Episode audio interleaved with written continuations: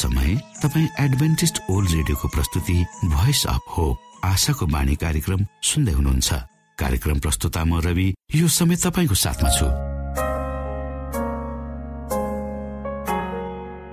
परमेश्वरले भन्नुभएको छ तिमीहरूका कानले सुन्नेछौ बाटो यही हो यसैमा हिँड। श्रोता आशाको बाणी कार्यक्रमले हामीले चुन्नु पर्ने बाटोको विषयमा हामीले हिँड्नु पर्ने बाटोको विषयमा जानकारी गराउने गर्दछ। धेरै धेरै बाटाहरूको बीचमा कुन चाहिँ बाटो रोज्ने भनेर अलमलिएको मनलाई परमेश्वर तर्फ फर्काउन परमेश्वरको सत्यतालाई बुझ्न आशाको बाणी कार्यक्रम नियमित सुन्नुहोस्। तपाईँले सही बाटो सत्य जीवन र प्रभु येशु क्रिस्टलाई भेट्नुहुनेछ। आउनु श्रोता हामी हाम्रो मुख्य कार्यक्रममा जानु अगाडि आज पनि सुन्नेछौ यो मधुर क्रिस्टीय भजन।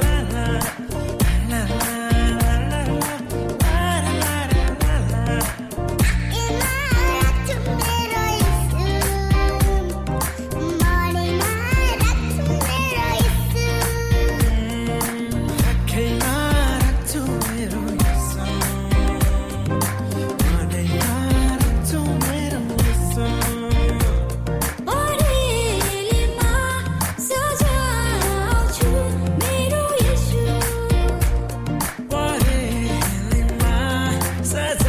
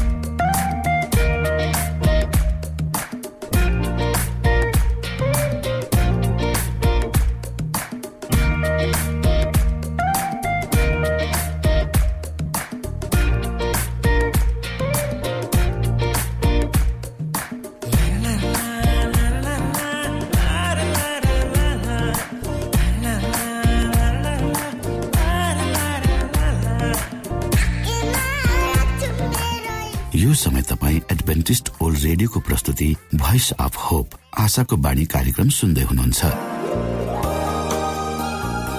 तपाईँ आशाको बाणी कार्यक्रम सुन्दै हुनुहुन्छ। हामी आशा गर्दछौँ कि तपाईँले हाम्रा कार्यक्रमहरू सुनेर आनन्द लिनु भएको छ। यदि तपाईँ हाम्रो तर्फबाट सानो उपहार प्राप्त गर्न चाहनुहुन्छ भने कृपया गरेर हामीलाई Bible at the rate AWR dot ओआरजीमा लेखी पठाउन सक्नुहुनेछ। अथवा हाम्रो वाट्सएप नम्बर प्लस एक दुई दुई चार दुई दुई दुई जिरो सात सात सातमा फोन गरेर सम्पर्क गर्न सक्नुहुनेछ। श्रोता मित्र यो समय हामी पास्टर उमेश पोखरेलबाट आजको बाइबल सन्देश सुन्नेछौ।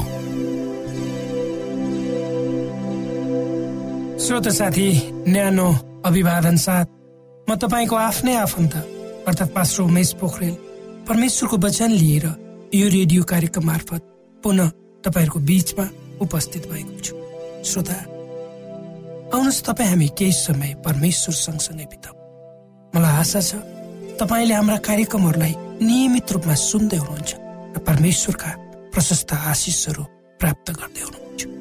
परमेश्वर को हुँदो रहेछ भन्ने कुरो आफ्नै जीवनद्वारा तपाईँले अनुभूति गर्दै हुनुहुन्छ।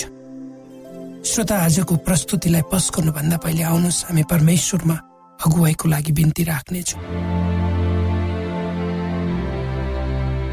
जीवित जिउँदो महान दयालु परमेश्वर प्रभु हामी धन्यवादी छौँ यो जीवन यो जीवनमा दिनुभएका प्रशस्त आशिषहरूको लागि। यो रेडियो कार्यक्रमलाई प्रभु हामी तपाईँको हातमा राख्दछौँ। यसलाई तपाईँको राज्य र महिमाको प्रचारको खातिर यो देश र सारा संसारमा तपाईँले पुर्याउनुहोस्। ताकि धेरै मानिसहरूले जो अन्धकारमा हुनुहुन्छ तपाईँको ज्योतिलाई देख्न सक्नुहोस्। तपाईँको राज्यमा प्रवेश गर्ने मौका पाउनुहोस्। सबै बिन्ती प्रभु यीशुको नाममा। आमेन। श्रोत साथी मेघ गर्जेको आवाज सुन्दा मलाई डर लाग्छ।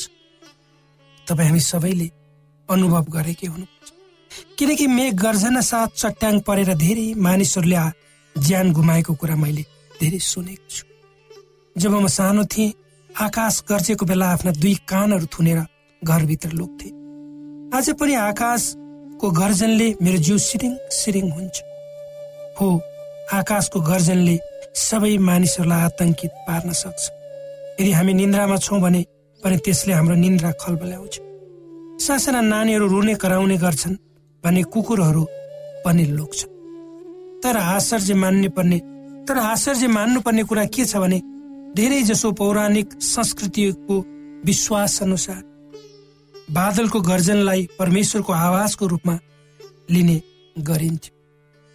ग्रिकहरूको निम्ति यो सबैभन्दा महान दैवीय शक्तिको आवाज थियो जब बादल गर्जन्थ्यो त्यसै गरी इसरायलीहरूका परमेश्वर पनि मेघको गर्जन जस्तै गरी बोल्नु भयो भनेर पवित्र धर्मशास्त्र बाइबलमा लेखिएको छ। परमेश्वरको हावाका झोक्काहरू सधैँ शान्त नहुन सक्छ। जो मानिस उत्तर अथवा दक्षिण पोलको बीचमा बस्छन् उनीहरूलाई उहाँले आफ्नो भण्डारमा कस्तो किसिमका हात हतियारहरू र गोला बारुदहरू राख्नु भएको हुन्छ। थाहा हुन्छ। उहाँले पृथ्वीका सीमान्तबाट बादल उठाउनुहुन्छ। उहाँले वर्षासित बिजुली पठाउनुहुन्छ र उहाँले आफ्ना भण्डारहरूबाट बतास निकाल्नुहुन्छ। यदि तपाईँ समुद्र भएको देशमा बस्नु भएको छ सामुद्रिक आँधीले कस्तो असर पार्छ अनुभव गर्नुभएको हुन सक्छ हामी नेपाल जस्तो देश जसलाई भूपरिवेष्टित देश भनिन्छ त्यहाँ बस्ने बासिन्दाहरूलाई यस विषयमा अनुभव नहुन सक्छ। जे भए पनि एउटा परिवार फिलिपिन्स भन्ने देशमा अध्ययनको सिलसिलामा केही समय बसेको हुन्छ। उनीहरूको अनुभव यस्तो छ। हामीहरू छ हप्तासम्म फिलिपिन्सको फिलिपिन्स भन्ने देशमा बस्यो। त्यति बेला एक किसिमको आँधीले देशलाई हल्लायो। र घनघोर वर्षा भयो। कतै केही नदेखिने गरी हामी सबै नर्भस भयौँ। र के गर्ने वा कसो गर्ने भनेर हामीले केही निर्णय नै गर्न सकेनौँ। हावाले हामी बसेको क्याम्प क्याम्पसलाई नराम्रो गरी हिर्कायो। जताततै रुखहरू लडेका पोलहरू भाँचिएको सिसाहरू फुटेको मात्र देखिन्थ्यो केही समयमा नै बत्ती गयो। सारा क्याम्पस अन्धकार जस्तो भयो। हामीले जसो तसो झ्यालहरूका चुक्कुलहरू लगायौँ झ्यालका खापाहरूबाट पानी भित्र नपोसोस् भने तौलियाहरू छिराए तर आकाश गर्जना र हावाको प्रचण्ड गतिले सबैको मन डरले कामिरहेको थियो। तर आकाशको गर्जन र हावाको प्रचण्ड गतिले सबैको मन डरले कामिरहेको थियो। आमा बाबुहरू आफ्ना नानीहरूलाई बचाउन र सुरक्षित घर ल्याउनको निम्ति स्कुलतिर यताउता गइरहेका थिए। रुखहरू तल र जरामाथि परिरहेको देखिन्थे। एउटा सानो बच्चालाई आँधीले झन्डै उडाएको। दुई घन्टापछि आँधी अलिक शान्त भयो। दक्षिणतिर आकाश सफा देखियो तर उत्तरतर्फको आकाश कालो निलो हुँदै एक घन्टाभित्र पुनः पहिलो र खैरो भयो र पुनः छानाहरू उठाउँदै गरी हुरी बतास चल्न थाले र हावाले छिमेकीको घरको पर्खाल भिजेको कार्डबोर्ड जस्तै गरेर ढालिदिए घरभित्रका खाँबाहरू परालका त्यान्द्रा जस्तै भए। जसरी राजा दाउदले भजन सङ्ग्रह पचपन्न अध्याय गरेको प्रार्थना चाहिँ आँधी र तुफानबाट टाढा मेरो शरणस्थानतिर आतुरी गरेर जाने थिए जस्तो अवस्थामा हामी थियौँ। तर त्यो अवस्थामा हामीसँग जाने कुनै ठाउँ थिएन। हामीहरूका निम्ति लुक्ने ठाउँ घरभित्र भएका फर्निचरहरू मात्र थिए। वास्तवमा परमेश्वरसँग उपाय छ। त्यसैले पवित्र धर्मशास्त्र बाइबलको नहुम भन्ने पुस्तकको एक अध्यायको तीन पदमा परमप्रभु रिस गर्नमा धैर्यवान हुनुहुन्छ। उहाँ अति शक्तिशाली हुनुहुन्छ। दोषीलाई परमप्रभुले दण्ड नदी छोड्नुहुन्न। भुमरी र आँधीमा उहाँको बाटो छ र बादलहरू चाहिँ उहाँका खुट्टाका धुला हुन् भनेर लेखिएको छ। जब उहाँ द्रुत गतिमा फन्को मार्नुहुन्छ। वा नसोचेको रूपमा प्रस्तुत हुनुहुन्छ। तब लाग्छ त्यस्तो अवस्थालाई सामना गर्न सकिन्न। बडो भयानक नसोचेको र डरलाग्दो हुन्छ। जब उहाँले धुलोहरूमाथि उचाल्नुहुन्छ तब बादलले सदैव उहाँसँग सल्लाह गर्छ। र उहाँ प्रत्येक अप्ठ्यारा र चुनौतीमा हुनुहुन्छ। ती अप्ठ्यारा र चुनौतीयुक्त क्षणहरूसँग सामना गर्नको लागि हाम्रो साथमा रहनुहुन्छ। जस्तो सुकै आतंक पैदा गर्ने प्रतिकूल परिस्थिति जसले सारा संसारलाई हल्लाउँछ तर परमेश्वरसँग त डराउँछ परमेश्वरको समय आएपछि वर्षा थामिन्छन्। थामिन्छ उहाँको कोमल निको पार्ने बतासहरूले मन्द रूपमा बहँदै हाम्रा अप्ठ्याराहरूलाई हामीबाट टाढा गराउँछ। जति बेला हामीले सोचेका थियौँ कि हामी अब एक कदम पनि अगाडि बढ्न सक्दैनौँ। त्यसपछि हामी जीवन कति परिपक्व भएर बढ्छौँ त्यो महसुस गर्दछौँ। र परमेश्वरको महान योजना हाम्रो निम्ति कस्तो रहेछ भने बुझ्दछौँ किनकि जब सबै किसिमका प्रतिकूल परिस्थितिहरूसँग सामना गरी हामी आफ्नो ठाउँमा उभिन सक्छौँ हामी जीवित रहन सक्छौँ तब मात्र जीवन के रहेछ र यसलाई कसरी चलाउनु पर्ने रहेछ? भनी बुझ्न सक्छौँ। श्रोता साथी मलाई थाहा छैन भोलिको दिन मेरो निम्ति कस्तो रहन्छ। मेरो निम्ति के लिएर आउँछ भनेर तर यदि मेरो भोलि शान्तमा रह्यो भने म धन्यवादी पनि अवश्य हुनेछु। तर यदि मेरो भोलि ठुलो आँधी र बतास भएर गुज्रियो भने पनि तब पनि मलाई शक्ति दिनुहोस् भने म परमेश्वरसँग भन्ने छु ताकि तपाईँको हात मैले समात्न सकु। यसै सन्दर्भमा आउनुहोस् हामी पवित्र धर्मशास्त्र बाइबलको यर्मिया चार अध्यायको तेह्र पद पढ। हेर बादल झै उहाँ अघि बढ्नुहुन्छ। उहाँका रथहरू भुमेरी झै आउँछन्। उहाँका घोडाहरू गरुडहरूभन्दा चाँडा छन्। हो श्रोत साथी परमेश्वर महान हुनुहुन्छ। उहाँ हाम्रो जीवनमा पनि त्यसै गरी आउनुहुन्छ। हामीले केवल उहाँलाई चिन्न सक्नुपर्छ। आधी बेरीमा प्रभुको आवाजको सन्दर्भमा राजा दाउद भन्छन् परमप्रभुको बाणी पानीहरू माथि छ।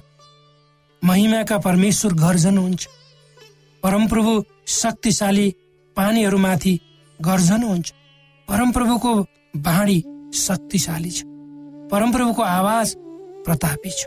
उहाँले लेबनानका पर्वतहरूलाई बाछालाई जस्तै र सिरियोन पर्वतलाई जङ्गली साँडे झै उफार्नुहुन्छ परमप्रभुको बाणीले मरुभूमिलाई हल्लाउँछ।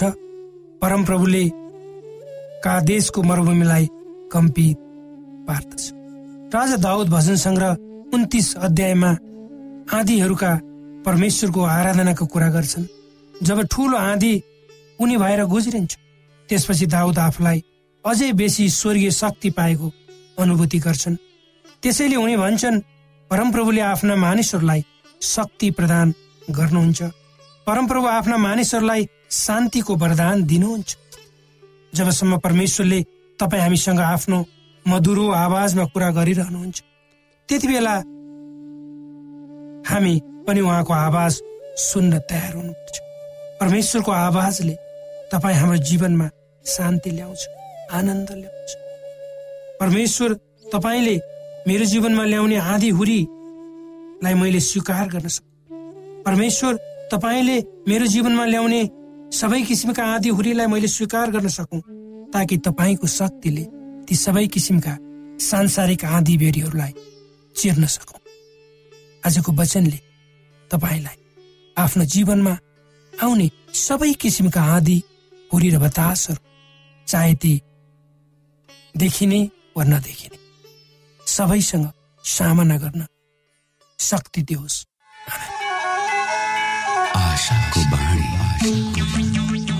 श्रोता भर्खरै यहाँले पास्टर उमेश पोखरेलबाट बाइबल वचन सुन्नुभयो। यो समय तपाईँ एडभेन्टिस्ट ओल्ड रेडियोको प्रस्तुति भोइस अफ होप आशाको बाणी कार्यक्रम सुन्दै हुनुहुन्छ। कार्यक्रम सुनेर बस्नुहुने सबै श्रोतालाई हामी हाम्रो कार्यक्रममा स्वागत गर्न चाहन्छौ। श्रोता मित्र यदि तपाईँ जीवनदेखि हरेस खानु भएको छ तपाईँका जीवनमा धेरै अनुत्तरित प्रश्नहरू छन् भने आउनुहोस् हामी तपाईँलाई परमेश्वरको ज्योतिमा डोहोऱ्याउन चाहन्छौँ। र तपाईँ आफ्नो जीवनका चिन्ता फिक्रीबाट निश्चिन्त हुनुहोस् र बाँच्नुको आनन्द परमेश्वरको सामिप्यमा कति मिठो हुन्छ त्यो चाख्नुहोस् भनी हामी चाहन्छौँ। श्रोता यदि तपाईँ आशाको बाणी कार्यक्रमलाई अनलाइन सुन्न चाहनुहुन्छ वा डाउनलोड गर्न चाहनुहुन्छ भने डट ओआरजीमा जानुहोस्। त्यहाँ तपाईँले प्रत्येक दिनको कार्यक्रम सुन्न र डाउनलोड गर्न सक्नुहुनेछ। हाम्रो वेब पेज यस प्रकार छ डब्लु डब्लु डब्लु डट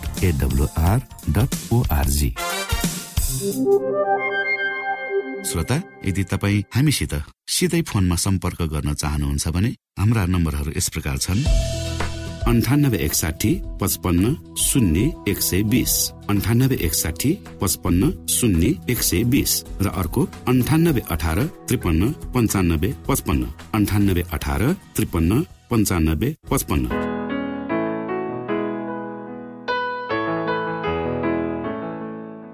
यो एडभेन्टिस ओल्ड रेडियो हो। तपाईँ आशाको बाणी कार्यक्रम सुन्दै हुनुहुन्छ। यस सम्बन्धी थप जानकारीको लागि कृपया गरेर हामीलाई सम्पर्क राख्न सक्नुहुनेछ। हाम्रो इमेलको ठेगाना Bible at the rate AWR dot ORG अर्थात् B I B L E at AWR dot ORG हो। तपाईँ हामीलाई हाम्रो वाट्सएप नम्बर प्लस एक दुई दुई चार दुई दुई दुई जिरो सात सात सातमा पनि कल गरेर सम्पर्क राख्न सक्नुहुनेछ। अर्थात् प्लस एक दुई दुई चार दुई दुई दुई जिरो सात सात सात। यो आशाको बाणी रेडियो कार्यक्रम हो। म धनलाल राई यहाँहरूलाई यस कार्यक्रममा न्यानो स्वागत गर्दछु। आज म तपाईँको बीचमा बाइबल सन्देश लिएर आएको छु। आजको बाइबल सन्देशको शीर्षक रहेको छ परमेश्वरमा केन्द्रित जीवन बिताउनु।